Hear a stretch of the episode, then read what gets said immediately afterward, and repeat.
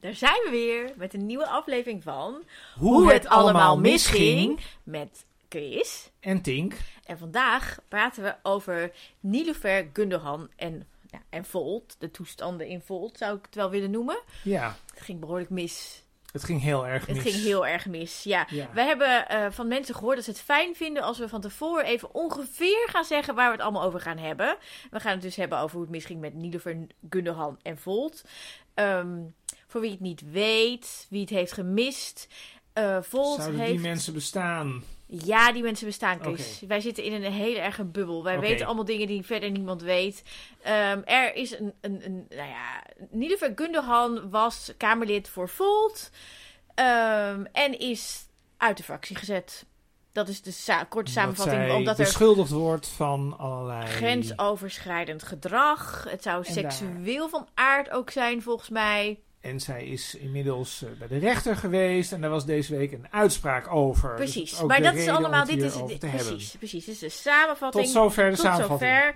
En dan heb ik eerst zeg maar even, om dit nog even verder te introduceren, heb ik hier een artikel voor me uit NRC Handelsblad van afgelopen 11 februari. En in de kop staat. ehm, Volt kreeg deze week gelijk van de rechter. De partij mocht in februari 2022 Nielever Gundogan schorsen. Nu is even mijn korte vraag aan jou, Chris. Klopt dit? Klopt deze uitspraak? Of ze mochten schorsen. Is het waar dat Volt gelijk kreeg van de rechter? Eh, dit, dit- dit- is het probleem. Het Ik wil probleem een is dat kort het- antwoord. Het probleem is dat het eigenlijk bijna niet te zeggen is. Ik ik vind, op een bepaalde manier hebben ze gelijk gekregen. Zo is het ook verkocht.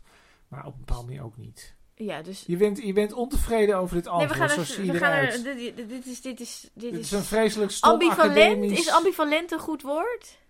Ja, ik vind, het ik vind het ambivalent wie er nou precies gelijk heeft gegeven. Ik vind het in ieder geval niet eenduidig. Nee, het is niet zo dat de rechter heeft gezegd... Nou, Volt jullie... Alles wat jullie zeggen en beweren... En Ja. hoe jullie Er hebben is gehandeld... niet gezegd dat. Volt fout zat. En er is ook niet gezegd dat zij fout zat. Volgens mij is het allebei niet gezegd. Precies. Nou, we komen erop terug. Ehm, want voor de mensen, de luisteraars... Die. die geïnteresseerd zijn in Volt. Een van Ja. de jongste partijen in ons land die in de, in de Tweede Kamer zitten. Zeker. Zeker. Eh, veelbelovend volgens velen. Ik vind dat ik ben altijd enigszins kritisch als er wordt gezegd volgens velen. Volgens, nou ik, ja, er hebben best veel mensen op? Volt gestemd. Ze hadden toch drie zetels. Dat er zijn veel een- dat mensen Best een voor- net succes. Nou, ik kan zeggen, goed. Goed ja. succes. ja ehm, maar wat is Volt? Hoe ontstond deze partij? Ja, dat is heel interessant. Volt is een Europese partij, zeggen ze dan.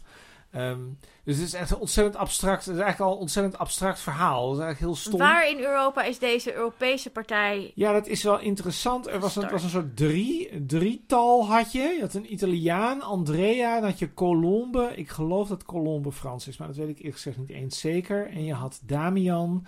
En Damian is Duits. En die hebben na de dag na de Brexit, na het Brexit-referendum bedacht dat het echt tijd werd om Europa nieuwe energie te geven. En daar kwam dan Volt uit. Even voor de helft, het Brexit-referendum was in 2016. Dus dat is Ja. zes, zeven jaar geleden. Ehm, en toen leek het eigenlijk niet zoveel. Dus dan we een beetje een studentenclubje, mensen die bij elkaar zaten en dachten laten we eens een partij beginnen. En eh, toen gebeurde er eigenlijk heel lang niks. Ik denk in ieder geval in de perceptie van mensen in Nederland gebeurde er niks.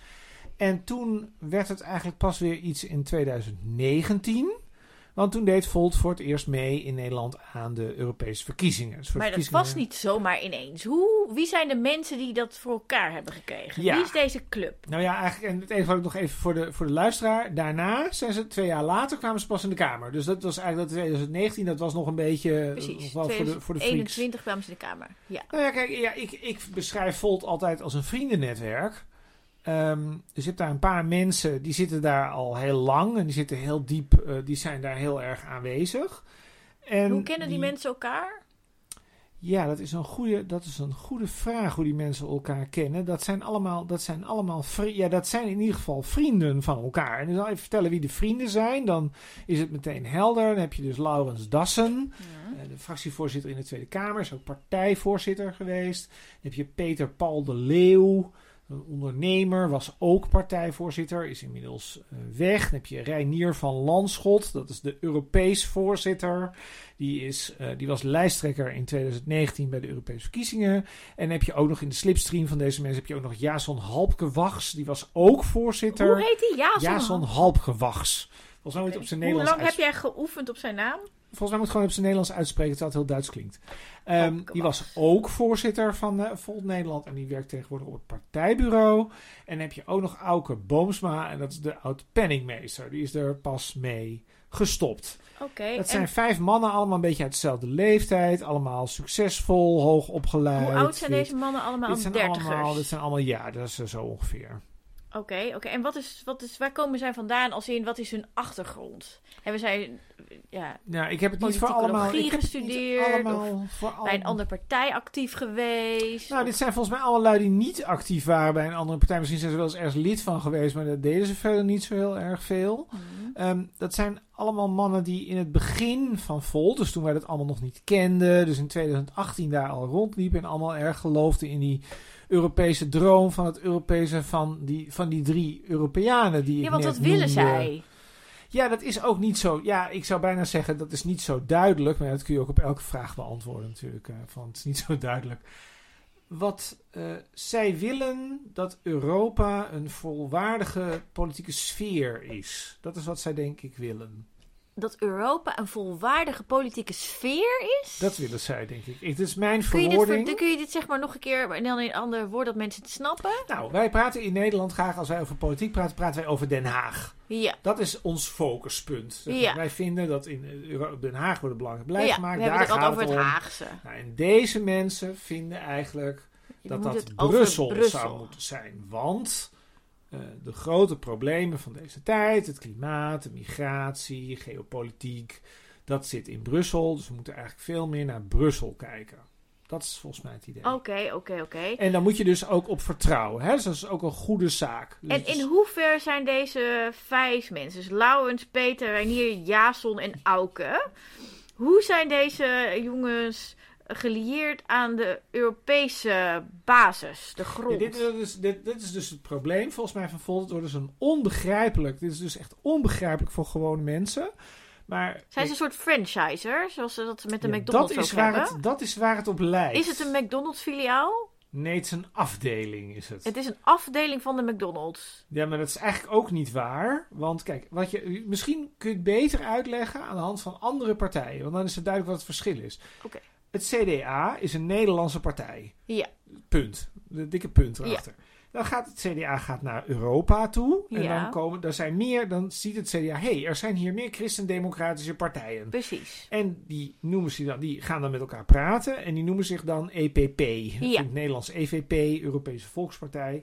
En die hebben dan een partijorganisatie in Europa. Maar dat is eigenlijk een club waar eigenlijk alleen maar partijen bij zijn aangesloten. Dus dan kun je als, als gewone mens kun je daar geen lid van worden. Hm. En die hebben dan ook, al die partijen zitten dan ook samen in het Europees Wat parlement. ook eigenlijk het probleem is, zeg maar, met een samenwerking eventueel GroenLinks en, en PvdA, omdat zij bij een andere Europese club zitten. En je hebt bijvoorbeeld D66 en de VVD zijn allebei liberaal. Dus wij vinden dat in Nederland vinden wij dat verschillende partijen. Maar in Brussel is dat hetzelfde. ja, precies, Nou, precies. Dit is het normale systeem. Zo functioneert dat eigenlijk al decennia, zou Ja. je kunnen zeggen. Nou, nu komt Volt. En Volt zegt, ja, voor wat het waard is, die zeggen dat is eigenlijk geen Europese partij, die Europese Volkspartij. Want het is eigenlijk, je moet eigenlijk als gewone burger, want wij zijn allemaal Europese burgers, hè, wij ook, Ja. zou je eigenlijk lid moeten kunnen worden van een Europese partij. Dus wat zij doen is, zij hebben een Europese partij gemaakt. Een partij die, waarvan iedereen in Europa lid kan worden. Dus gewoon, Mhm. als, gewoon als persoon. En die partij heeft dan afdelingen in landen. Dus als ik lid zou worden van Volt, dan ben ik evengoed lid van Volt Ja, in Italië. dubbel. Je bent eigenlijk, nee, je bent dubbel lid. Je bent lid van Volt Europa en je bent lid van Volt Nederland. Wat Volt Nederland de afdeling van Volt Europa is. En heb ik dan ook iets te zeggen over wat er in Volt Europa gebeurt? Ja, dat is precies het verschil. Want als je dus de christendemocraten neemt, die leden van het CDA, die weten wel dat de EPP bestaat, Hmm. maar dat is ver weg en daar, die, daar zijn, ja, die gaan daar nooit naartoe. Dus die praten niet mee. Terwijl als je bij Volt zit, dan praat je zowel mee over de Nederlandse koers als over de Europese koers. Dat is het idee. Oké, nou op zich is daar wel iets voor te zeggen, zou nou, ik vind dat heel veel. Het, het leidt dat is een hele discussie op zich of dit heel zinvol is, maar dit is het idee. Nou, er is iets voor te zeggen. En het punt is, maar nou komen we eigenlijk in juridie, ik zou bijna zeggen juri, juristerij terecht al. Ehm, die, eigenlijk is het zo dat Volt Nederland, het is dus aan de ene kant een afdeling van Volt Europa, dus die, hè, die committeert zich aan de visie die in, in Europees verband is afgesproken. Maar tegelijkertijd is Volt Nederland ook gewoon een Nederlandse partij. Oké, nou goed. En dan heb je dus Laurens. Dassen, eh, Peter Paul de Leeuw, Reinier van Landschot, Jason Halpgewachts. Halpkewachts en Auke Boomsma. Nou, die hebben het heel gezellig samen, maar die denken, ja, we zijn gewoon eh, vijf eh, witte jongens met blond haar. Ongeveer zijn ze allemaal wit met blond haar. Nou, zoiets. Is, hè? Zo, ja. Zo, zoiets, ja. ja. we komen allemaal Ja. een beetje uit het Brabantse volgens mij. Ja, het is allemaal heel Brabants. Heel. Brabants, ja. En we hebben allemaal geen politieke achtergrond of we hebben niet, geen Een beetje relevante ervaring. dingen gedaan. Is een beetje balletjes.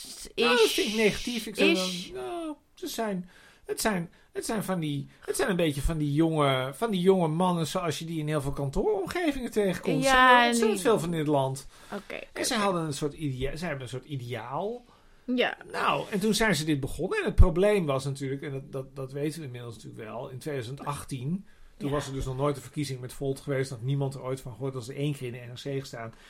Dat, dat is natuurlijk heel moeilijk Ja. om een club te maken Vijf blonde jongens. waar heel veel mensen bij aan willen sluiten en zeggen: Wij gaan nu voor, er zijn straks Europese verkiezingen, wij gaan flyeren voor Volt voor de Europese verkiezingen. Want Volt, niemand kende Volt. Nee. Volt had helemaal geen vrijwilligers, er was helemaal geen. Dus het was heel moeilijk om dat, om dat, om dat aan de gang te krijgen. En hoe hebben ze dat gedaan? Nou, dat is een hele, heel groot mysterie. Misschien is het leuk om er even één ding bij te zeggen. Het is in de meeste landen, want we praten nu dat zo Volt in 28 landen zit, zitten ze vaak ook wel. Maar in de meeste landen is het nooit gelukt om het aan de, aan de gang te krijgen. Dat is eigenlijk het belangrijkste. Ja, is Nederland niet het enige land waar Volt zetels in de Kamer heeft gekregen zit- uiteindelijk? Nee, dat is niet helemaal waar. Er zijn een paar Duitsland? landen die het beter doen. Of Oh. beter doen. Nederland doet het eigenlijk het beste. Ehm, in Duitsland zitten ze in heel veel gemeenteraden. En ze zitten met name overigens alleen in West-Duitsland. En ze zitten, hebben één Europarlementariër uit Duitsland. Dat is interessant. Ze zitten in de gemeente, maar dus niet landelijk. In de gemeente en Europees. Ja, want Duits. in Duitsland is de kiesdrempel heel hoog. Dus je moet 5% halen. En als het 5% was geweest in Nederland, hadden ze in Nederland ook niet in de Tweede Kamer gezeten. Nee, precies. Ze hebben wel het Bulgaarse parlement gehaald. En ze hebben wat een paar mensen in Italië en nog één persoon in Oost in Interessant eh, wel dat het. Bulgarije dan lukt. Ja, dus en, dat, en wat je daaruit volgens mij. Dus even, als ik het even veel mak- makkelijker zeg. Ehm, ga naar België. Hm. Dat is niet zo heel ver. Volt is non-existent. Het bestaat gewoon bijna niet. Ik bedoel, dat is één klein vrijwilligersclubje. Spanje, er is bijna niks. Frankrijk, bijna niks. Dus het is heel afhankelijk, denk ik, van het netwerk. Ehm, van wie daar dan met, dat, hè, met, dat, met Dus die afdeling deze aan de vijf blonde gingen. jongens zijn wel echt volhardende jongens. Dus ze kunnen wel Ja, iets samen. Ze kunnen stemmen werven. Ze hebben daar echt wel wat aan gedaan. We weten niet Ja. precies wie. Want ze Ja, zijn ik zo las ook open. ergens dat Laurens zijn baan heeft opgezegd wat Ja. bij een bank. En dat hij twee jaar zonder geld te verdienen zich helemaal op Volt heeft Laurens en Reinier ook, die hebben daar een hele tijd, hebben die, eh, nou ja, als een soort vrijwilliger, hebben die geprobeerd die partij van de grond te trekken. Ja. En dat is, nou, we kunnen constateren dat het gelukt is. Ja, maar goed, dus oké, dus, dus de, je hebt dus de, de, de Laurens, Peter, Renier, Jason en, en Auke. Ehm, en die, Zo leuk al die vijf namen steeds, ja. ja, en, en die denken, nou ja, we willen dus meedoen, we willen meedoen met de verkiezingen. En eh, ik vul even in, want ik, ik heb dit toen eigenlijk niet heel erg gevolgd, jij wel.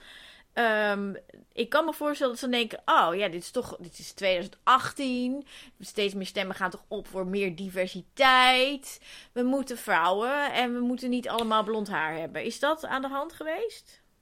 Dat zou, dat zou kunnen, maar ik zou nog één stapje, ik zou er nog één stapje voor doen. Ik zou zeggen, in 2018 wisten ze, er komen Europese verkiezingen aan. We zijn een Europese partij. De Europese verkiezingen zijn belangrijkst. Dus Ja. zij wisten in 2018 al dat er verkiezingen aankwamen die heel belangrijk zouden zijn. En ze, dus ze waren niet onsuccesvol. Hè. Ze hebben een halve zetel gehaald qua stemmen. Dus dat was best... Ja, dat is natuurlijk geen zetel. Ja, in Europa bedoel in je? Europa. Ja, ja. In, in, eh, voor, voor Nederland in 2019. Dus dat was eigenlijk ook al best wel goed. Ook al was het uiteindelijk natuurlijk geen zetel.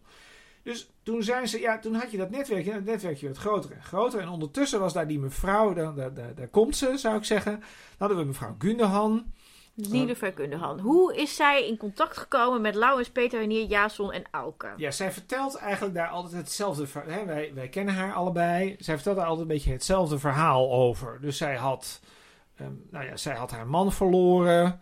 Zij liep door de stad en zij zag Volt demonstreren. Er was toen hier een of ander event.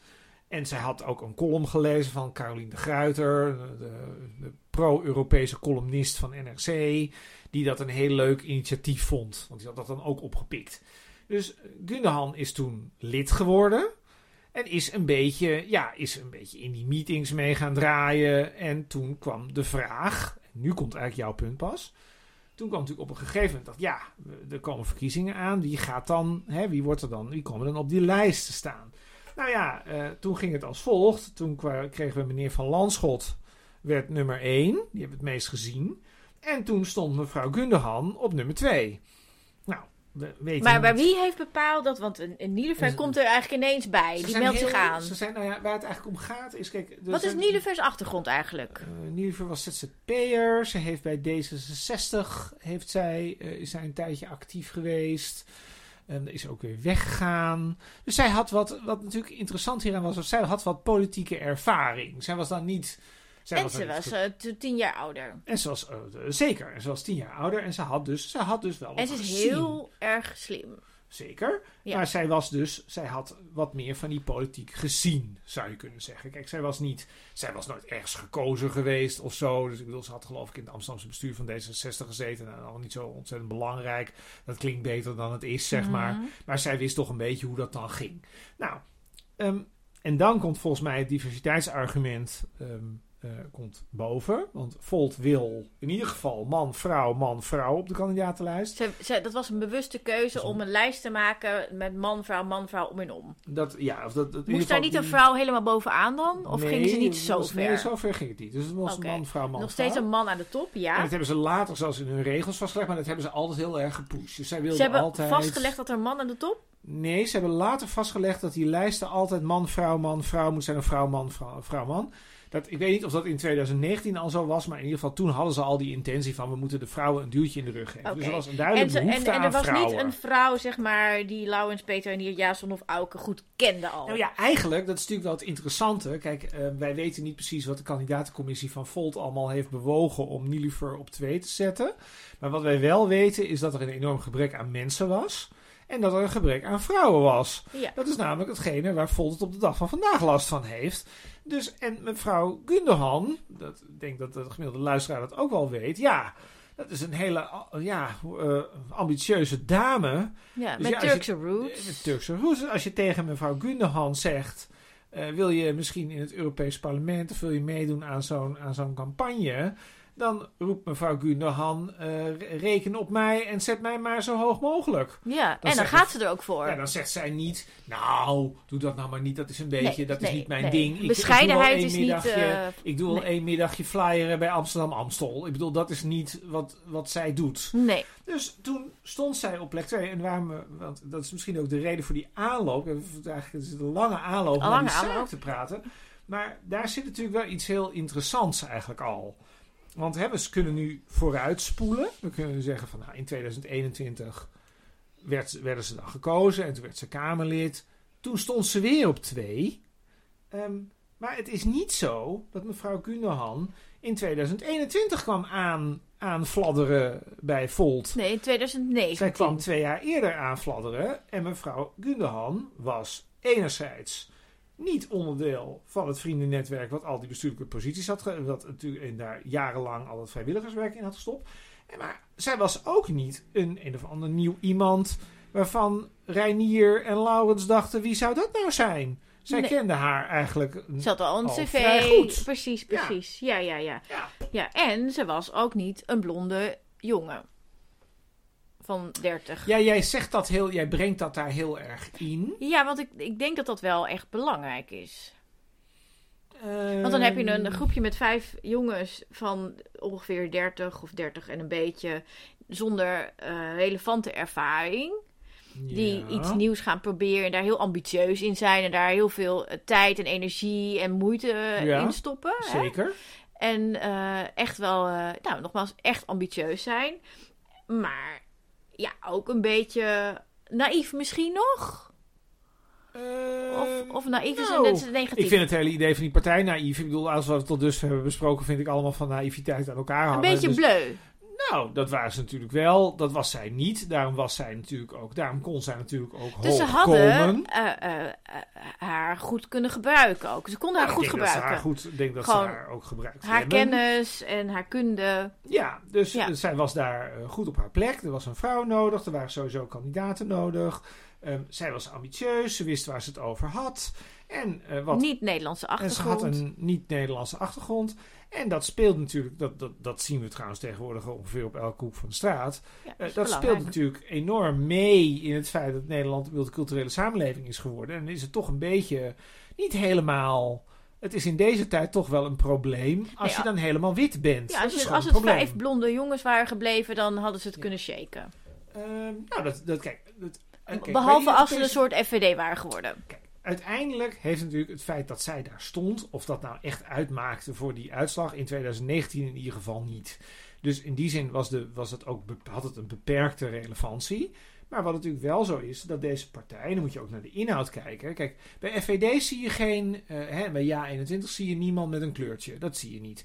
Maar dat vinden ze daar ook helemaal niet belangrijk. Dus dan zou je ook, er is niemand die denkt, Nee. ik ga niet op Ja21 nou ja, en stemmen. die ene, hoe heet hij ook weer, die vriend van Baudet, die ook in opspraak kwam dat hij in die appgroep eh, eh, iets zei over dat donkere mensen een lager IQ hebben. Hoe heet hij ook alweer? Jernas ja, Ramotarsen. hij, ja. Maar daar ging het, maar bij FVD en bij Ja21 zo, daar vinden ze dat niet belangrijk en hebben ze ze ook niet. Dus er is niemand die erover klaagt. Nee. Terwijl dit is een progressieve club ja, voor de multiculturele samenleving, voor internationalisering. precies. Dus het dus kan- er moet wel. Ja, het kan eigenlijk niet zo zijn dat daar alleen maar witte mensen eh, rondlopen. Nee. En overigens, er is een, er is een lijntje met vandaag. Eh, de lijsttrekker van de Eerste Kamer van Volt heeft ook weer een kleurtje gekregen. Want eh, ja, eh, dat, het, het kan natuurlijk niet dat zij de multiculturele samenleving niet representeren. Ze hebben daar ook een zwak voor. Dat hebben ze. Ja. Het is gewoon zo. Nou ja, en dat lijkt me op zich... En het is logisch. Precies, en... en En niet per se slecht ook. Het is, het is helemaal niet slecht. Nee, prima. ik denk dat het heel Ja. belangrijk is. Oké, dus, dus, dus, dus dit eigenlijk de vraag waarom of hoe komt Nulliver daar? Nou, een beetje toeval. Ehm, eh, ze, Nou, zij was duidelijk op zoek naar iets nieuws in haar leven. Ze had natuurlijk ellende meegemaakt. En nou, dat D66, daar was ze weg. Daar had ze geloof ik ruzie gemaakt, want dat vond ze toch niks. Nou, dus toen lag het voor de, toen lag het voor de hand deze dame eh, hoog op een lijst te zetten. ja. Nou, en toen ze ze... later herhaald. Dat is het belangrijkste. Precies, precies. En toen haalden ze bij de Tweede Kamerverkiezingen haalden ze drie zetels. Dat is een goede score. Toen stonden ze daar, oh, ja, toen was ze opeens, toen was Nilüfer opeens Kamerlid. Ja. Ja, ja. En toen was zij ook, denk ik, het, het Volt-Kamerlid al vrij gauw... waar de meeste aandacht naar ging. Ja, dat was. ehm, kijk, dat politieke, politieke analyses maken is ook niet. eh, is geen exacte wetenschap. Je kan ook gewoon even nadenken over hoe zou dat nou gaan. Hè? Dus je zet Laurens Dassen, Ja, wat een hele degelijke eh, jongen is, maar toch wel een beetje saai. ja maar goed, hij dan- had wel zeg maar zijn twee jaar Oh, onbe- onbezoldigd... eh, Ja, maar ik ben En- van de nuance. Ik wil, niet, Ja. ik wil de dingen Ja. die hij goed heeft gedaan, wil ik niet Nee, maar hij heeft er dus jarenlang naartoe gewerkt. Was een van de oprichters, zeg maar, Volt Nederland. Zeker. En, en hij werd een soort natuurlijke, zou ik ook misschien denken, partijleider. Logisch dat een van die Nou, vijf... Ik, zou, ik zat het anders te vertellen. Ik dacht, je hebt Laurens die dan toch een beetje saai is, maar wel degelijk. Ja. Dat is nog die nummer drie, dat is Marieke Koekoek. Hoe kwam was dan- Marieke erbij? Zat die, want die zat niet bij die eerste vijf. Dat is ook onder, dat is helemaal niet duidelijk. Zat hoe Marieke die daarbij kliek? is gekomen. Nee, die zat niet in die kliek. Want Marieke de- werkte gewoon aan een universiteit, die komt uit een andere hoek. Het is onduidelijk hoe zij bij Volt is Ja, gekomen. dat is mij niet, is mij niet duidelijk. Oh, nou als het jou niet duidelijk is, is Marieke het niet duidelijk. Zou- Is, ja. ehm, ehm, Marieke is, eh, het schijnt heel inhoudelijk te zijn. Daar wil ik ook niks aan afdoen, maar eh, ook een beetje saai. Ehm, en dan zet je daarnaast, zet je, het gaat me eigenlijk vooral om het contrast. ja, ja, ja, Eh, ja. dan zet je daarnaast mevrouw Gundogan. Ja. Ja, en die heeft natuurlijk gewoon een hele grote mond. En die, die, ja, die, die, die, die Ja, roept wel eens rare dingen. Als Nilufer voorbij loopt, dan mis je dat niet. Nee, je mist haar niet. mist en haar ik, niet, kijk, ik kan me herinneren dat ik haar voor het Overigens eerst... bedoel ik dat positief. Ik kan haar mij herinneren dat ik haar voor het eerst ontmoette. Dat was bij een verkiezingsdebat van de Europese verkiezingen. En eh het was een heel slecht debat van BNR. En we luisterden naar Esther de Lange van het CDA. En we vonden het allebei heel slecht. En eh, de- je, je, je herinnert je de ontmoeting vijf jaar later nog steeds, zeg maar. Dat is toch een beetje het verschil. Ja. En er zijn overigens mensen die dat leuk vinden. Ik vind dat zelf leuk. Er zijn ook mensen die het zullen haten aan haar. Dat kan natuurlijk ook. Maar het is in ieder geval iets waarvan je zou kunnen zeggen... als je nou deze drie mensen in een Kamerfractie zet... dan hoef je niet helderziend te zijn om te denken... het zou wel eens kunnen zijn dat de publiciteit naar die mevrouw Gunderhan gaat. Want hoe deed zij het in de Kamer? Nou ja, ze is natuurlijk uitgesproken. Zij eh, heeft het steeds over de rechtsstaat, over de democratie. Ze is elke keer ging ze Forum voor Democratie aanvallen. Ehm, en ja, dat levert. En dan doet ze daar wat stevige. Daar had ze dan wat stevige tweets over. Ja, er zijn natuurlijk heel veel mensen in dit land die zich daar druk over maken. En ik denk terecht. En daar is zij natuurlijk een soort spreekbuis voor. En wat natuurlijk ook zo, wat natuurlijk ook speelt, is dat mensen die ehm, nou, een positief beeld hebben van de multiculturele samenleving, ook af en toe behoefte hebben, denk ik, aan eh, Nederlanders van kleur die een stevig, eh, die stevig standpunt innemen en een prominente rol spelen in het publieke debat en die zich niet laten ondersneeuwen. Want Wat in, natuurlijk in in, het verleden in mijn beleving is. eh, werd daar best wel in general, zeg maar, wel positief naar gekeken. En dat was in zijn algemeenheid. Nogmaals, ik wil best elke keer in elke bijzin zeggen. Dat kun je ook haten, al deze dingen. Dat kan. Hm. Maar in zijn algemeenheid waren de recensies hiervan goed. Ja, dat, toch? Ja, precies. gewoon heel Ja, simpel ja. zijn. En wij zagen ook. Het was ook goed onderbouwd. En, alles bereid goed voor. En dat ging. En die peilingen die gingen omhoog. Ja. En Ja. dus toen gebeurde er eigenlijk iets heel geks. Hè? Dus we hebben het nog steeds over een afdeling van Volt Europa. En in België is nog steeds niemand lid. Maar in Nederland leek Volt een, was echt een soort enorm Ja.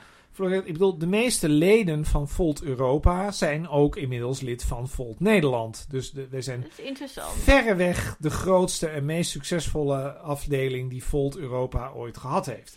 Oké, en dus, dus, nou goed, dus ze zitten dus in de Kamer met eh, eh, drie zetels. Eh, dat is dan eh eh, eh, Laurens op één, Nilever op twee en Marieke Koekoek op drie. En de meeste aandacht gaat naar Nilever. Wat vonden Laurens en Marieke daarvan? Hoe hebben de... Dat weten wij niet. Wat, wij, ehm, wat we wel weten, dat weten we namelijk uit het feit dat er natuurlijk later een rechtszaak is geweest. En dat we twee keer naar een zitting hebben kunnen kijken, et cetera. Is dat het al vrij snel niet liep. Want wat ging er mis? Nou, dat weten we, dat weten we dus ook. Dat is hetzelfde antwoord. Dat weten wij niet precies. Wat we wel weten is dat zij dominant werd gevonden. En dat zij natuurlijk, dat die samenwerking niet liep. Kijk, ik sprak iemand die voor de fractie heeft gewerkt. En die zei, ik heb een enorme fout gemaakt toen ik daar ging werken.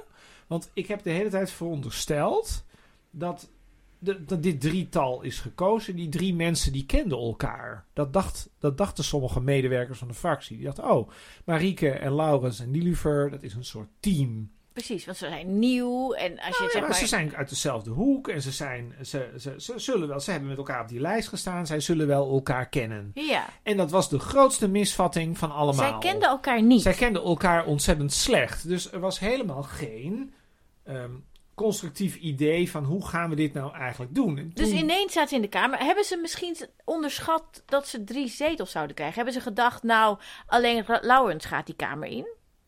Nou, ik denk zeker dat niemand had gedacht dat ze drie zetels zouden halen. Dus ik denk dat dat voor Marieke Koekoek zeker geldt. Die Ik denk dat dat had niet... niet gedacht van, ik ben straks Kamerlid. Nee, ik denk dat ze dat niet dacht, nee. Dat lijkt mij niet. En, ehm, en wat natuurlijk, kijk, dan, wij En zouden, net... zouden ze daarom misschien ongenoeg of onvoldoende net- voorbereid zijn geweest qua elkaar leren kennen? Ja maar, ja, maar het is breder, hè. Het gaat niet alleen over elkaar niet goed kennen. Het gaat ook over...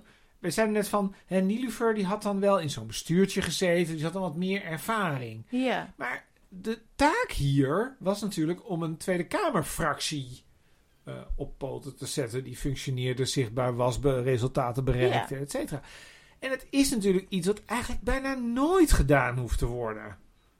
Nee. Dat is ontzettend, dat is ontzettend moeilijk Ja. om ehm, in een omgeving die je niet kent... Nee, je gaat van weten- nul zetels naar drie. Dat is weten, veel. Wij weten van Kamerleden die langer gezeten hebben, het geldt trouwens op alle politieke niveaus, is dat die lui allemaal zeggen, die eerste periode dat je daar zit, zit je te leren. Ja. Dus ik zeg altijd, als je bijvoorbeeld in de gemeente. Nou, ik weet wel bijvoorbeeld dat, dat ehm eh, Laurens Dassen in die beginperiode op zoek was naar een PA. Ehm, en ik ken iemand die daar toen naar heeft ge- gesolliciteerd. Iemand die daar volgens mij heel goed voor was geweest. Ehm, maar, en uit tot het laatste gesprek, zeg maar. Maar uiteindelijk heeft Laurens toen gezegd: nee, ik wil een, een, een ouder eh, iemand, een man, een Ja. ouder, die zeg maar al heel veel ervaring heeft en die weet hoe het hier werkt. Ja, en, En, en die persoon die ik ken, die, eh, eh, nou ja, die, die was zeker wel capabel, maar die was niet een oude man er al heel lang werkt. En ehm, ik snap het ook wel een beetje. Misschien Ja, als, je, als, je, heel als je daar heel onzeker over bent en niet weet, want je, waar, wie, wie moet jou nou leren hoe je, hoe je een fractie werkende krijgt? Dat, ik denk dat dat niet te leren is. Kijk, er zijn weinig voorbeelden van. Hè? Het recente, ik wil je natuurlijk wel een paar in het recente verleden. Maar ehm, bijvoorbeeld bij Forum, daar vergelijk ik het dan toch maar even mee. Dan had je twee Kamerleden hè, in 2017, dus Thierry en Theo. Maar Theo deed niks, kon hem niks En schelen. Theo deed niet zoveel. En die hadden daar twee managers achter, eh, liepen daar achteraan. En die waren dat de hele tijd over alles aan het nadenken. Over hoe dat dan precies, hoe dat dan precies moest. Ehm, die, als je, dan, dan heb je bijvoorbeeld zo'n Caroline van der Plas. Of zo'n Sylvana Simons. Die hebben het in ieder geval makkelijker. Dat klinkt een beetje gek. Maar dat is eigenlijk wel Omdat zo. ze het alleen doen. Omdat ze het alleen doen. Dus Caroline heeft nooit iemand die naast haar zit en die zegt: Caroline, dit is de lijn van de BBB. Die misschien is dat een fractiemedewerker, Ja. maar dan is eigenlijk de relatie tussen Caroline, die de baas is, en de fractiemedewerker, Ja. eigenlijk ook weer duidelijk. En dat, wat ik toch, want je brak dat punt af, maar het is wel belangrijk. Als jij gemeenteraadslid wordt en je hebt vier jaar gezeten, ik zeg altijd: je moet een tweede periode zitten, want in de tweede periode ga je pas, wat, ga je pas ja, echt ja, wat ja, doen. precies. Dat klinkt dat is iets Nee, te dat, dat, dat, dat, dat vertelde eigenlijk iedereen. Dat zat die, iedereen. Ja, Dus daarom is het ook zo'n probleem dat al die Kamerleden tegenwoordig zo snel weer weg zijn. Want tegen de tijd dat ze het kunnen, zijn ze weer vertrokken. ja. Dus dit waren allemaal mensen die toch een beetje, ja, een beetje op de tast eh, een, hun, hun fractie aan het vormen waren. ja. En daar zat dan een dame in. En die was heel dominant en die werd populair. En dat was eigenlijk niet de lijsttrekker, niet de fractievoorzitter. En ook niet iemand die onderdeel was van het vriendennetwerk. Die er allemaal zoveel tijd en En ze energie sprak in zich had heel gestoken. erg uit over alles. Over alles. Het was ook niet altijd, ik weet niet zeker, het is een beetje flauw om te zeggen, ik weet niet zeker of ze zich altijd helemaal aan het partijprogramma hield. Maar dat heb je natuurlijk al vrij snel als je in het publieke domein iets zi- Ja. bezit. Dat je dan een keer iets zegt en dat mensen zich daaraan kunnen storen. Ik bedoel, Ja. hè? Nou ja, en, som, Ja. en sommige dingen zijn gewoon gebeuren bij de dag. En die staan niet in een partijprogramma. Dus Precies, dus Ja. wat je, dus je krijgt, er is ontzettend veel, dat is natuurlijk een beetje het punt van die, van die hele omgeving. Die, punt heeft, die omgeving heeft een enorm conflictpotentieel. Er is een ontzettend potentieel om te Ja. zeggen, ik ben het niet eens met wat jij nu hebt gezegd. wat ging er mis? Nou ja, kijk, wat we, dat, dat, eigenlijk is het verhaal niet zo heel erg ingewikkeld. Hè? Het, het, het, is voor, misschien even voor de, voor de chronologie. Eh, zij werd geschorst. Toen heeft ze daar een rechtszaak over aan, een kort geding Maar waar over werd je geschorst? Want er is, Nee. op een gegeven moment is, werden Ja, maar ik klachten. probeer even, ik probeer even te vertellen waar het vandaan komt. Oké. Dan, ik vertel hem niet helemaal, want het is per keer is er andere informatie gekomen. Er is een kort geding geweest, dat heeft zij gewonnen. Dus ze moesten terugkomen bij Volt. Toen heeft Volt de interne regels ge- aangepast en hebben ze eruit de partij gegooid. Toen heeft Volt tegen die uitspraak... Ja, maar, Dat maar dat gaan mensen niet snappen. Want er, Ja? is niet zomaar een kort geding. Er, want er, er ging iets mis. Er kwamen klachten. Er, Ja, maar dit is al niet waar wat je nu zegt. Dus dit klopt al niet. Maar het punt wat ik eigenlijk probeer te maken, ik zal het simpeler zeggen, is... Er zijn meerdere momenten geweest dat er informatie naar boven kwam. En we praten nu vanuit het eindpunt. Dus we praten nu vanuit alles wat we nu weten, maar niet wat we toen wisten. ja, Toen wisten we niet zoveel, nu Nee. weten we iets meer. Ja. Het is vrij simpel. Zij had een, zij had een persoonlijk medewerker aangesteld. Een jongen die ook bij de campagne wie, had wie is de persoonlijk medewerker? Ja, die, ik laat die naam lekker zitten, want ik vind dat ben ik dus heel aardig in. Want die naam is ook gewoon, die is vrij in Den Haag denk ik wel bekend. Is ook op de rechtszaak genoemd en zo. Maar ik bedoel, er is een persoonlijk medewerker.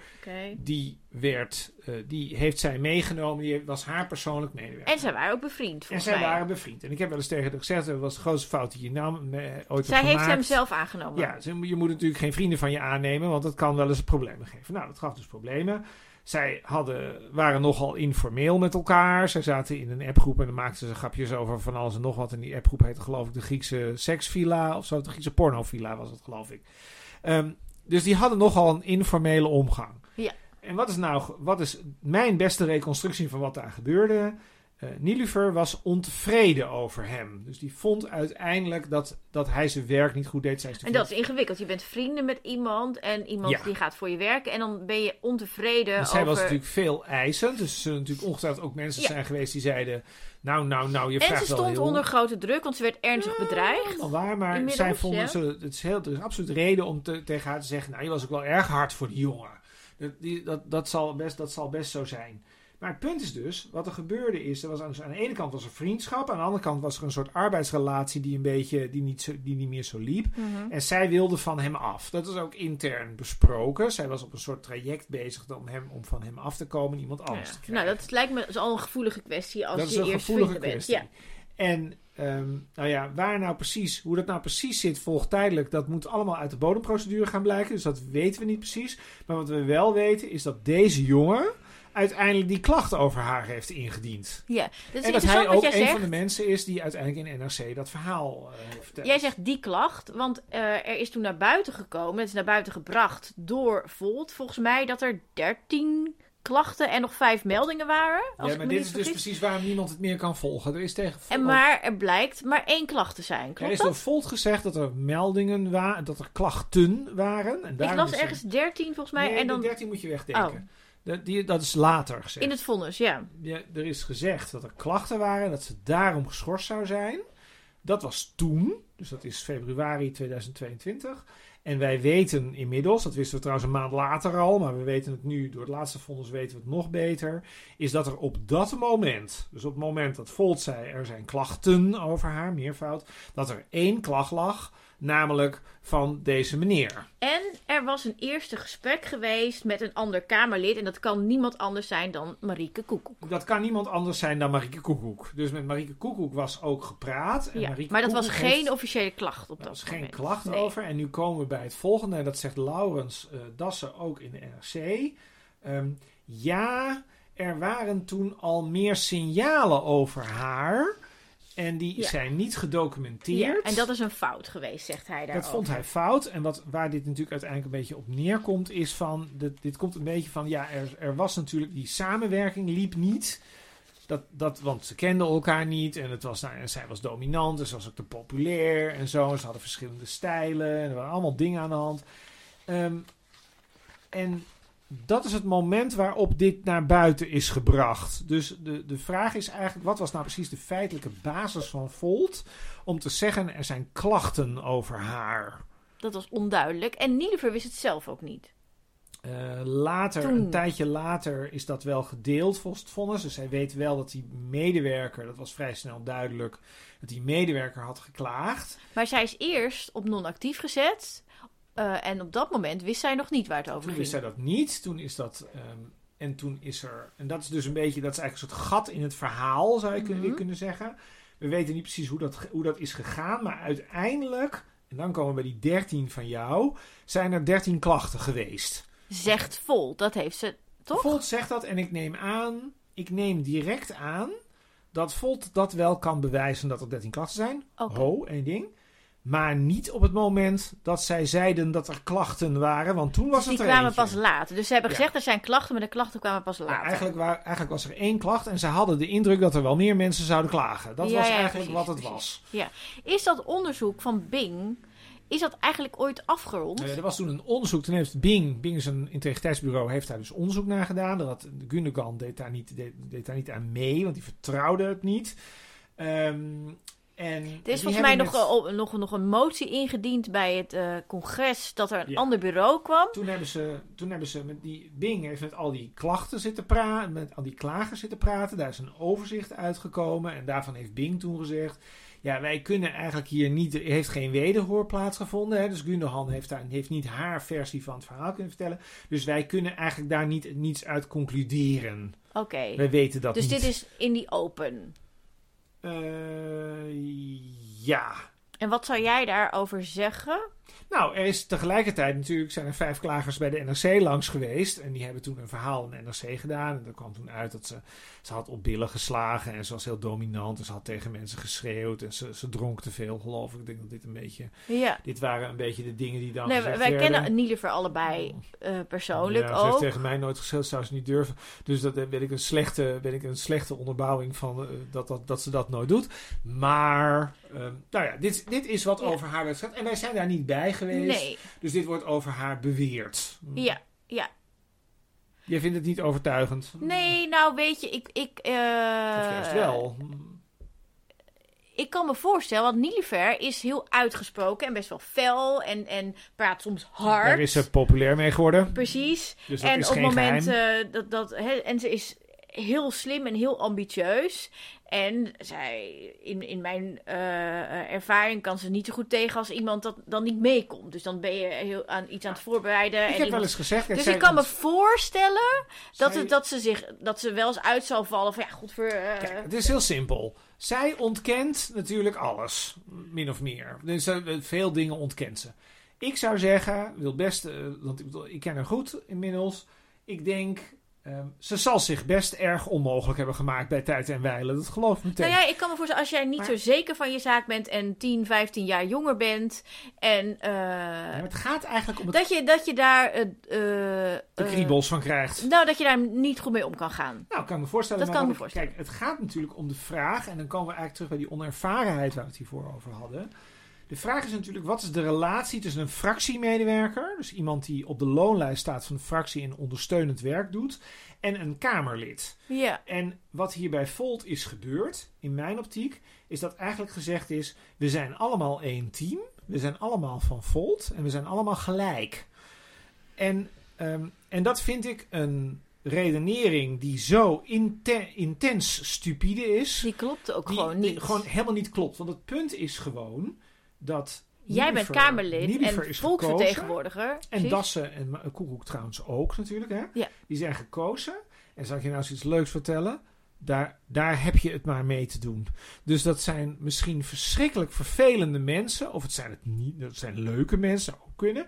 Maar het doet er allemaal helemaal niet ter zake. Want ze zijn gekozen Ze zijn. En nu is het Ja. punt. Nee, en nou is het punt. Die fractiemedewerker die heeft een baan. En die fractiemedewerker is daaraan ondergeschikt. En daar wil ik één ding aan toevoegen. Ehm, want dat is wat jij eigenlijk ook al zegt. Van, hè, ze kunnen kan uitgevallen worden en zo.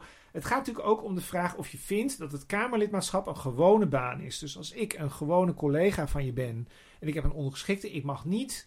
ehm, ik moet wel een beetje aardig zijn tegen alle collega's. Dat is, dat is natuurlijk zo. Dat is natuurlijk sowieso het uitgangspunt. En dat moet je in de Kamer natuurlijk in principe ook wel. Ja, Maar, er is een maar. En nu, staat onder grote druk. nu beginnen mensen, nu begint half Nederland te stijgen als je dit zegt. Maar Ina Brouwer heeft dit in de NRC heel goed opgeschreven. Het is een explosieve functie. Er is altijd tijdsdruk. Ja. Er is tegenwoordig ook de druk van, eh, nou, van de media, van de bedreigingen, et cetera. En waar gehakt wordt, vallen Spaanders. Nou ja, en ik denk dat het ook belangrijk is, toch om nog een keer te herhalen. Nielever kreeg op dat moment zeer veel bedreigingen. v- vanuit heel verschillende hoeken. Ehm, en die bedreigingen die kwamen ook per post op haar huisadres. En die waren zeer ernstig en zij, zij Oh, heeft, had daar echt last van. En vanuit Volt kwam daar geen steun, wat zij daar zelf over zegt. In Oh, ieder geval niet publiek. En daarnaast, wat voor haar heel zwaar woog op dat moment, is dat zij zich voor het eerst eigenlijk publiek heel kritisch had uitgelaten over Gundogan. Eh eh, sorry, Erdogan. Mhm. ja. Eh, en dat was voor haar, ze had het gevoel van ja, dat, dat maakt het heel tricky voor mij om nog naar mijn, eh, hè, eh, naar, mijn naar, familie Turkije, te naar gaan, mijn was familie te gaan, naar Turkije te gaan. Daar zat ze mee en dat werd niet, volgens mij voelde men dat niet maar echt volgens aan. mij, ik vind, dit, ik vind dit een afleidingsmanoeuvre wat je nu doet. Namelijk, ja leuk hè? Ja, Ehm, is- want ik vind het een afleidingsmanoeuvre. Het Nou punt ja, staat, nee, wacht ik- even, stop, stop, nu mag ik. Het, dat, dat zal allemaal wel zo zijn. Nou, ik, Nee, ik ga iets lezen uit het vonnis, nee, namelijk wat ik ga hij... eerst even af. Dat, dat, dat zal allemaal wel zo zijn.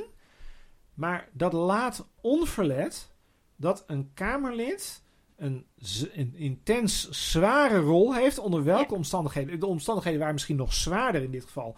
Maar zelfs als die omstandigheden er niet waren geweest, is het een zware rol. En kun je niet beweren dat een fractiemedewerker, dat het oordeel van een fractiemedewerker gelijk staat aan het oordeel van een Kamerlid. Dat Nou ja, is niet waar gelijk. ik naartoe Nooit. wil is dat een van de dingen die is ingebracht tegen Nilufer, hè, want dus die, die medewerkers, een onveilige situatie, et cetera. En dan gaat, wordt er verwezen naar de omgangsvormen, zeg maar, de reglementen. Ja. En dan is het allereerste wat daar staat: we dragen zorg voor elkaars fysieke, mentale en sociale welzijn. En het is natuurlijk heel raar om te zeggen: Nilufer moet dat wel doen naar haar medewerkers, maar wij de, als Volt zorgen niet voor Nilufer. Dit is, het, dit is helemaal, nou, hier heb je helemaal gelijk in. Dat weet ik. Hier zit nou, ik geef je graag gelijk, altijd. Het punt is ehm, dat hier een hele rare, eh, een, ook weer een hele rare redenering eh, is, is ontstaan. Dus ehm, we moeten allemaal lief en aardig en sociaal veilig en, en, en, en aardig tegen elkaar doen. Ehm, en we moeten elkaar allemaal de hele dag steunen. Hmm. Maar die, voor die Gundahan geldt het niet. Dus als Precies je dat, precies. belt... Ja. En dit is natuurlijk een argument dat Gundahan graag gebruikt... maar wat wel waar is... Namelijk als je haar belt in het weekend dat haar man net een paar jaar, precies ongeveer op de sterfdag, of de, het was de sterfdag of de verjaardag, dat weet ik niet meer. Sterfdag. Van- De sterfdag van haar man belt. En je zegt tegen haar: We gaan je nu schorsen en we willen je geen vier, we geven elkaar geen 24 uur om er nog even Want dat is waar denken. zij, wat, wat zij heeft gevraagd. Van, want ze werd gebeld en ze heeft gevraagd: geef me even 24 uur om dit te verwerken. En dan kunnen we met elkaar praten en kijken waar dit over gaat. En voordat je naar buiten dan- brengt. dan als je dat niet doet, dan heb je wel een heel raar eenzijdige, dan heb je wel een hele rare eenzijdige benaderingswijze van het idee van elka- het zorg dragen voor elkaars veiligheid Exact. en welzijn, et cetera. Want dat geldt dan natuurlijk, dat geldt dan ook voor de mensen die je niet zo mag. Ja, maar goed, dit is, dit is natuurlijk, dat is met name Laurens Dassen, hè, want dus hij is partijleider, dus hij moet eigenlijk dit, dit, dit allemaal managen en ervoor zorgen dat er dus dat iedereen blij en vrolijk is en dat het allemaal goed loopt. En dan, dus, nou ja, er was dus dat stuk in NRC, eh 11 februari, en dan lees ik eigenlijk twee dingen die mij opvallen over kom Laurens op. Dassen. En dan, dan eh, toch een beetje over zijn karakter.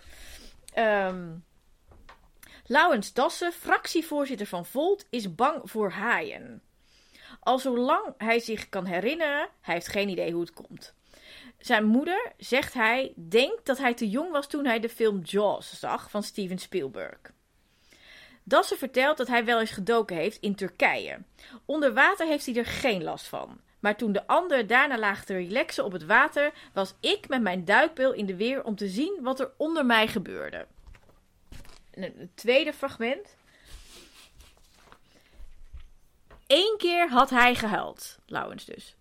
Dat was aan het einde van de dag van het NRC-verhaal over Gunderhand, waarin ook stond dat hij al wist van een minderjarige folter die zich door Gunderhand geïntimideerd had gevoeld.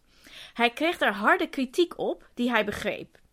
Ik kreeg van binnen en buiten de partij te horen dat ik ook allerlei andere dingen verkeerd had aangepakt, of te laat. Ik had het gevoel dat alles waar ik voor stond in twijfel werd getrokken. Jarenlang had ik alles gegeven voor Volt. Om de partij op te bouwen had ik mijn baan opgezegd en 2,5 jaar van mijn spaargeld geleefd. Ik had mijn vrienden verwaarloosd, mijn relatie continu getest en dan krijg je dit op je dak. Wat zegt ons dit over Laurens Dassen? Ehm, ja, wat zegt dit over hem? Ik vind dat, dat, dat, dat, van die haaien, dat vind ik geschift. Maar dat, ehm, dus dat vind ik al moeilijk. Kijk, hij heeft dat, op zich heeft hij gelijk. Hij heeft er heel veel energie in gestoken. Dat heeft hij gedaan. Hm.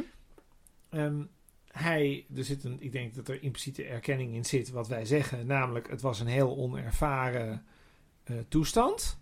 Maar het is ook... Had hij ik- wat ik- verwacht, zeg maar, wat maak ik hier uit, had hij verwacht dat hij alleen maar. ja, eh, dit had hij verwacht. Hij had eh, alleen maar verwacht... in zijn reet Ja, zou hij had krijgen. verwacht dat hij alleen maar veer in zijn reet zou krijgen. En nu En- was er ineens kritiek. En dan, dan doen we even nog eentje. Dan doen we, eh, dan doen we minderjarig. Stel nou dat je vindt, hè? Stel nou dat je vindt dat die Nilufer met de grote mond en een glas wijn in de hand en zo. En iemand heeft ze- geïntimideerd. Of Nee, iemand heeft zich geïntimideerd gevoeld. Oh, nee, niet, niet, nee, je gaat snel. Je heeft, ze zit met een glas wijn in de hand en zij is aan het schreeuwen tegen iedereen. En ze slaat met de deuren. Hè, je vindt er zo, en iedereen bij Volt vindt dit vreselijk. Als dat nou zo is, Ja. hè, als je dat nou vindt, Ja. zou het dan niet logisch zijn om te denken: we gaan geen minderjarige stagiairs bij haar eh, stallen? Dat lijkt mij persoonlijk het eerste wat je zou kunnen doen als je dit serieus meent. Dus Ja. iedereen zit hier bij elkaar in het complot, zou ik bijna zeggen. Ja, maar je zou ook, zeg maar, eventjes advocaat van de duivel Kom kunnen, op. kunnen zeggen... ehm, wat doet zo iemand eh, in deze werkomgeving, toch? Nou, ik zou zeggen. eh, dat is wat ik Volt vind- heeft gedacht. Ik vind. Dat vonden ze van Nilufer Ja, uiteindelijk. ja. Maar ik zou het zeggen van de minderjarige. Ik zou zeggen. Het is Ja. een hele veel eisende omgeving. Nou ja, misschien moet het licht het... Kijk, als het zou gaan... ehm, om... Als Nilufer geen vrouw was geweest, maar een man... Ja, dat had een hele Ja? andere lading gekregen. En, en, en eh, precies. En het zou, oh, want er wordt natuurlijk seksuele intimidatie ook beticht, omdat ze wel eens op iemands billen heeft geslagen. Ehm, Ik zeg altijd, Nilufer zat niet naakt op de gang van de Tweede Kamer bovenop haar beleidsmedewerker. nee, en, en, eh, ehm, nou ja, ik, Dat was het, dat was het niet. nee. En dat was ook, dat was, daar was sowieso geen sprake Nou ja, van. ik zou Zij was gewoon heel dominant, zoals we haar kennen. precies. Dus, en er waren mensen die zich daar erg gegriefd dus dan gaat het niet dat je over, zeg maar, ehm, eh, eh, kijk, grensoverschrijdend gedrag is ingewikkeld, omdat het altijd over een gevoel gaat. Dus jij hebt het gevoel dat Ja. iemand over jouw is grenzen een gaat. gevoel. Dus als jij je zo voelt, dan is het zo.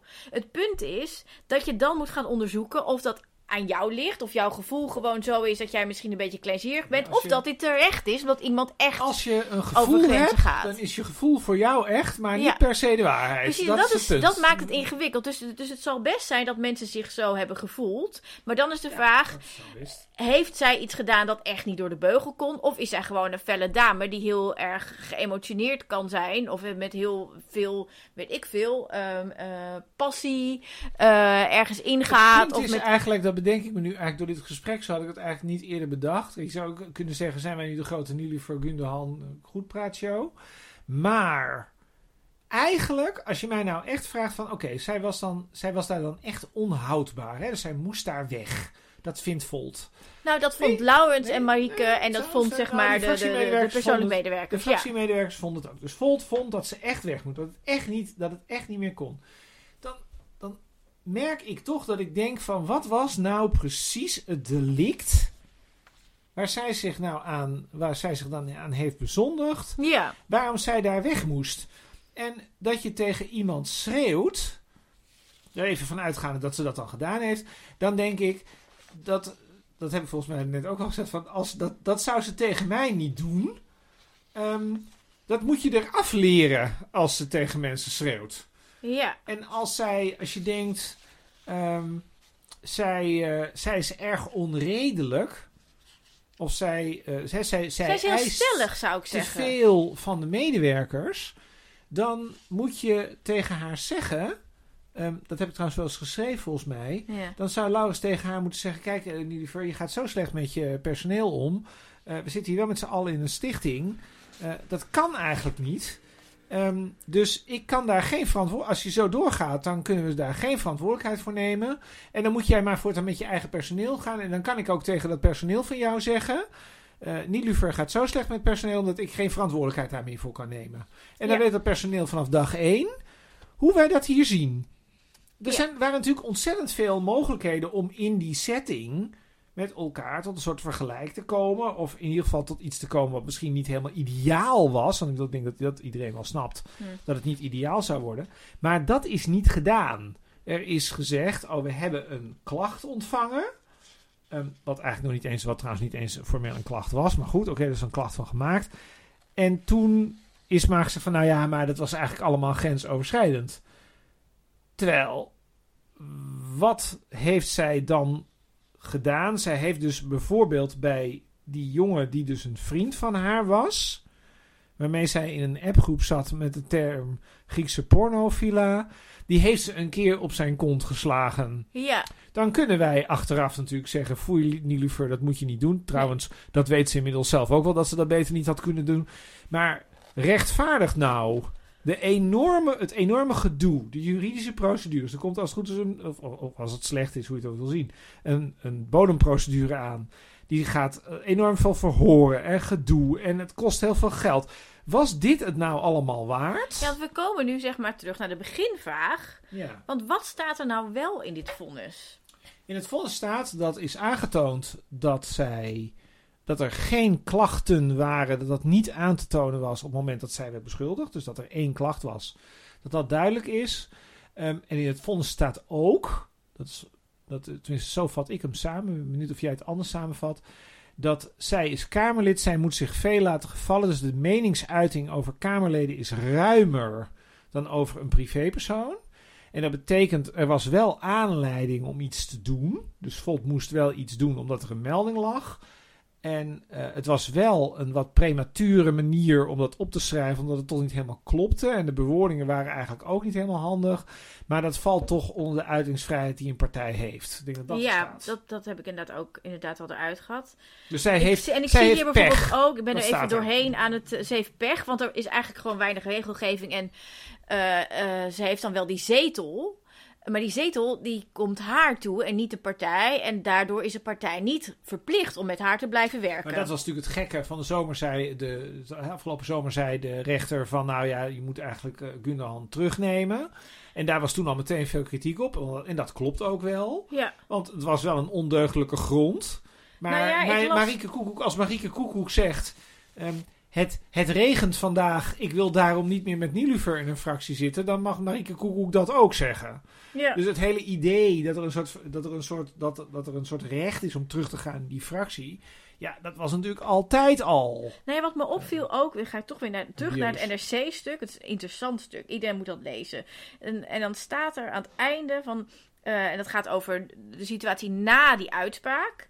Staat er, in de Tweede Kamer is het dinsdag niet één journalist die Laurens Dassen opwacht met een vraag over de uitkomst van het hoge beroep. In zijn werkkamer zegt hij dat hij tevreden is. Het Hof noemt het gerechtvaardigd wat we hebben gedaan en zo hebben we het ook willen doen. Netjes. En maar dat is niet wat er in het vonnis staat, dat ze dat netjes hebben gedaan. Sterker nog, ehm, even kijken. Eh, de inhoud van de brief van, van eh, de, dat is de voorzitter was onvoldoende voor drastische stappen die Volt heeft gezet. Schorsing van Nilever zonder deugdelijke uitleg waarom, zonder de aard van de klachten toe te lichten en zonder enige vorm van hoor en wederhoor kan niet door de beugel. Dat staat er in het vonnis. Nou, volgens mij staat er heel duidelijk dat het niet netjes, dat het niet netjes was. Er staat dat het, niet, dat, het, dat het niet strafbaar was. Dat, dat is wat er eigenlijk staat. Ja, en dan staat er, en dat is dan weer de- wat in de. Even kijken. ehm, eh, met, het met het bestreden vonnis wordt geen antwoord gegeven op de vraag of het gedrag van Nilever Gunnehan grensoverschrijdend of anderszins ontoelaatbaar is geweest. Hè? Dus, dus de rechter zegt niet, eh uh, Nilever Gunnehan heeft zich inderdaad grensoverschrijdend Ja, gedragen. Daar is klopt. geen uitspraak En dit over. wil zij wel Ja. horen. Maar zelfs indien zou worden vastgesteld dat er van sprake is geweest, is Nilever Gundogan onder meer doordat zij publiekelijk te voortvarend door Volt is beschuldigd van grensoverschrijdend gedrag, beschadigd in haar eer en goede naam door de persberichten van Volt. Dit is niet netjes. Nee, het was En zij is dus netjes. beschadigd en dat staat in het vonnis. Ehm, het, was, het, was sowieso, het was sowieso niet netjes. En dan komen we eigenlijk bij, ehm, bij bijvoorbeeld het punt. Nou ja, dus Ja. het stuk in NRC is framing. En degene die dat heeft geschreven, dat is, hoe heet ze, Petra de Koning, heeft dat vonnis niet goed gelezen. Of is daar niet kritisch genoeg over geweest. Want dit is Nou, niet waar. Het was, nee, kijk, weet je, kijk, ik ben heel relativistisch over de rol van taal. Je kunt ook anders kijken. Je kunt ook zeggen. Ja, ik ben wel echt een taalpurist. Het was wel netjes, want ehm, Volt is niet in het ongelijk gesteld, dus het was netjes genoeg. Maar ze zijn zeker... Nee, het is, Nee, en er is, oh, de rechter zegt ook dat ze niet netjes Stop, waren. het was niet netjes. Ik Ja. zou zeggen, het was niet netjes genoeg. En ik vind Er is gewoon geen regelgeving, je dus moet ja. Terug, je moet terug naar de setting waarin dat is gebeurd. Dit is niet ehm, een partij. Dit is niet een partij. Dit is een partij die heel hoog opgeeft over individuele rechten, eh, de rechtsstaat, eh, wet, we- we- dat je dingen volgens de wet en volgens de regels gaan. Dat, en dat doen ze nou juist zelf niet. En het gekke daaraan is. Ze hebben zelfs halverwege dit hele proces hun eigen partijstatuten Precies, veranderd. dat Ja, heel raar is om niet naar ja rechter om haar eruit de partij te kunnen Maar- krijgen. Nou ja, dat- ja. Maar het, het, het punt is natuurlijk. ehm, zij hebben eigenlijk al die, zij hebben al die hoogdravende, zij hebben al die hoogdravende principes. Daar houden zij zich niet aan.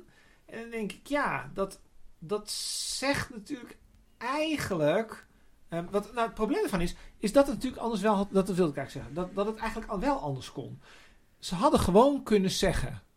Ze hadden ook die schorsing niet kunnen doen. Ze hadden de maand naar kantoor kunnen laten komen. Dan staat allemaal op kantoor.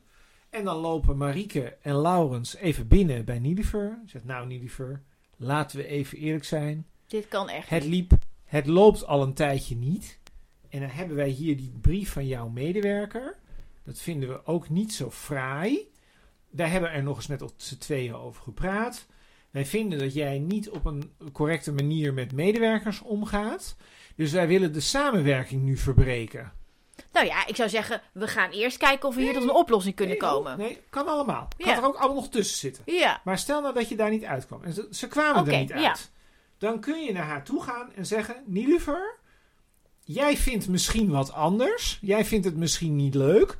Maar wij kunnen hier een punt achter zetten. En dat gaan wij nu ook doen. Ja. Hoe gaan we dat op een nette manier doen? ja. En dan is vervolgens Zodat die klager... Zowel Volt als Niederver, als, als zeg maar mensen die zich Lei. geïntimideerd hebben gevoeld of whatever, dat, die, dat niemand verder wordt beschadigd. Niemand werd verder beschadigd. Er waren alle medewerkers van Volt die niet meer met mevrouw Gunderhan wilden werken. Hadden allemaal voortaan waren. Want als ze had een andere plek in de Kamer gekregen. Hebben ze nu ook gekregen. Dat iedereen was tevreden geweest. Dat hadden ze gewoon kunnen doen. En nou is de vraag: waarom konden zij niet even denken. Gewoon twee stappen vooruit. Eigenlijk de, bijna de 24 uur bedenktijd die Nilufer wilde. Waarom konden zij niet denken. Laten we nou even een pas op de plaats maken. En even een middagje op de hei gaan zitten. En zeggen: Oké, weet je, we, we komen hier misschien niet uit. Of we vinden elkaar verschrikkelijk. Want er zijn dingen gebeurd of wat dan ook. Hoe kunnen we dit op een manier doen dat we allemaal door kunnen? Want nu is er een situatie gecreëerd waarin eigenlijk heel veel mensen niet door kunnen. Want ja, eh, we gaan nu eh, de bodemprocedure in. En eh, de advocaat van Niluver gaat allerlei mensen ondervragen, neem ik aan. En ja, dat wordt allemaal heel veel uitspinnen van allerlei details. Waarvan je natuurlijk ook kunt afvragen van ja, maar had dat nou, was dat nou nodig geweest? Ja, ik denk eigenlijk gewoon niet. Deze mensen wilden gewoon niet meer met elkaar door. Of in ieder geval Volt wilde niet met haar door. Nou, had het geregeld. Ja, En maar- had heus wel... En dan had Nieliver misschien wel eh, gezegd van... Ik vind het bespottelijk, et cetera. Maar ze had geen poot gehad om op te staan. Als, in, als de andere twee hadden gezegd... Wij willen niet om met jou. Geen maar dit is, dit is de als dan. En dat is, het is allemaal niet gebeurd. Nee. Wat nu? Er komt een eh, bodemprocedure. We gaan met z'n allen dat allemaal aan zitten horen. Ik heb nog toevallig zat ik bij, de, bij het hoge beroep. en Toen zei ik nog tegen een van journalisten: als er nou een, een, als er nou een hele zaak komt, gaan jullie er dan elke keer heen? Eh, want ik denk dat ik dat dus niet ga doen. Ehm, en toen, ja hoor, ja, dan gaan we zeker elke keer. eh, gaan we, dus dan denk ik, het is een enorme hoeveelheid negatieve energie die afleidt van waar je in de politiek voor gekozen bent. Mhm. Ehm, ja. Dat, dat, dat, kijk, en, dat, en parallel daaraan, ehm, waar is, wat is er nou over van Volt? Ik Nou, wou zeggen, want ik heb eh, een beetje rondgebeld en ik heb met iemand gesproken. Ik ga niet zijn naam noemen, vind vind ik niet netjes. Eh, maar dat was iemand die helemaal, eigenlijk heel erg in het begin, volgens mij 2018, 19, enthousiast was. heel enthousiast was en heel erg ook heeft geholpen met campagne en weet ik van meedenken. En heel actief en heel betrokken was. En ik werd helemaal gek van hem op Twitter, want hij gaat het alleen nog maar over Volt, eh, bij wijze van spreken. Ehm, en, en echt zeg maar een soort van de, de, de oplossing voor elk probleem bijna had gevonden in Volt. En het echt daar helemaal voor ging. En Het is weg. het is weg, hij is zijn lidmaatschap opgezegd. Het is allemaal weg. En, en wa- hoe hij dat nu ziet, is dat eigenlijk al voor die verkiezingen, eh, twee jaar geleden, dat het al leegte was. Dat er al niks was. Dat die mensen, dus hij had het ook over dat eerste clubje, zeg maar, van nog een Peter. Reinier, Jason en Auke. Dat dat, ja, waren wel leuke jongens, maar daar, was, daar kwam je ook niet tussen. Dus het was echt een soort groepje waar je eigenlijk niet eens mee, aan de, eh, mee kon praten. Want die zaten zo bij elkaar. En dat waren dan, ja, En deze lichtgewichten. hier... eh, En, en nou ja, dan was er de, de- hoe heet ze ook alweer, zeg maar, ehm, lijsttrekker Volt Amsterdam. De, Broersen. die dan nog heeft geprobeerd toch wel te helpen. En, maar dat het gewoon zo'n lichtgewicht is. Dat, dat, ja, Eh, dus dat vond ik wel bijzonder om te horen dat hij dat met terugwerkende kracht eigenlijk al wel had. En toch daar zijn hoop op vestigde. En, nou ja, en dus nu heel erg toch teleurgesteld is. Want het had, eh, hè, was, het was best wel een potentieel voor hem dan. En het is, het, is, het is hem gewoon niet. En het gaat hem ook niet worden. Want het, want het zijn Nee. allemaal... Nee. Het is, het is Alle vrij... energie gaat in de verkeerde dingen zitten nu. Ja, en, En- maar ook, het zijn geen zwaargewichten. En ze zijn niet slim genoeg, niet erv nou, ervaring. Dat komt Ervaring natuurlijk op een gegeven moment. krijgen. Ja, maar het is, het, is, het, is, het is het gewoon allemaal niet. En, ehm, En hoe wat een groot verschil met 2021 toen een hele hoop mensen dachten... Goh, nieuw geluid in de politiek, leuk. Ja, dat is wat- natuurlijk wat hij ook dacht. Ja, precies. De, de xylofoon is steeds eh, beter. Vind je het beter? Ja, ik vind het steeds beter. Ja. Oh, dank je, dank je. Ja. Nou, we, we zijn natuurlijk ook al bij aflevering 9. Eh, dus ik heb geoefend, wil ik maar zeggen. We gaan iets aardigs zeggen. Ja, Over wie ga jij iets aardigs zeggen? Of ga ik iets eerst iets aardigs Eh, zeggen? Ik moet even het... eh, ik moet heel Je hebt aantekeningen, hè? Nee, nee, nee, ik ga iets voorlezen. Oké, Eh, uit het vonnis van de rechtbank. oké.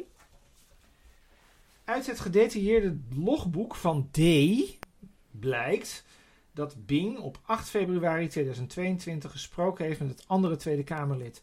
Maar dat de status van dat gesprek, stelde dat Kamerlid ermee in dat haar verklaring mocht worden gebruikt of juist niet, nog onduidelijk was. Wat staat hier? Hier staat dat de ambtelijk secretaris van Volt van destijds, dus degene die de fractie secretariële of eh, de, ja, min of meer de, de ambtelijke leiding Is van dat had. Sasha? Nee, dat is weer iemand anders.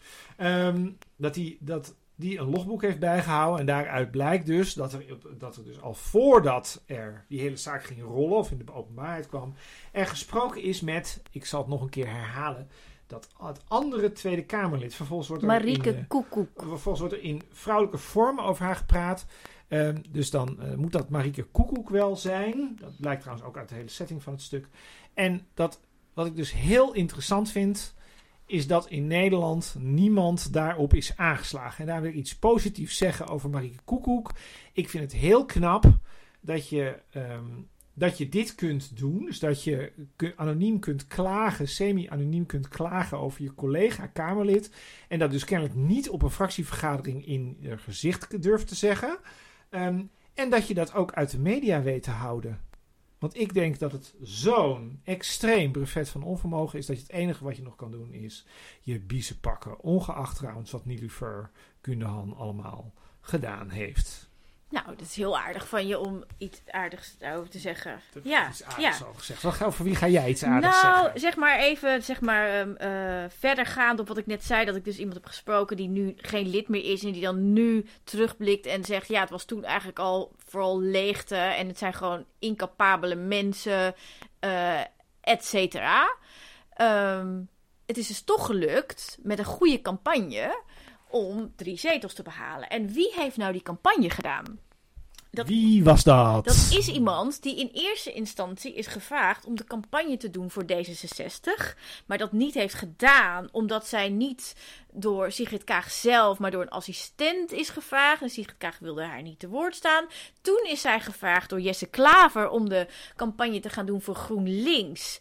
Eh, Jesse Klaver is daarvoor zelf naar haar huis gekomen om haar persoonlijk dit te vragen.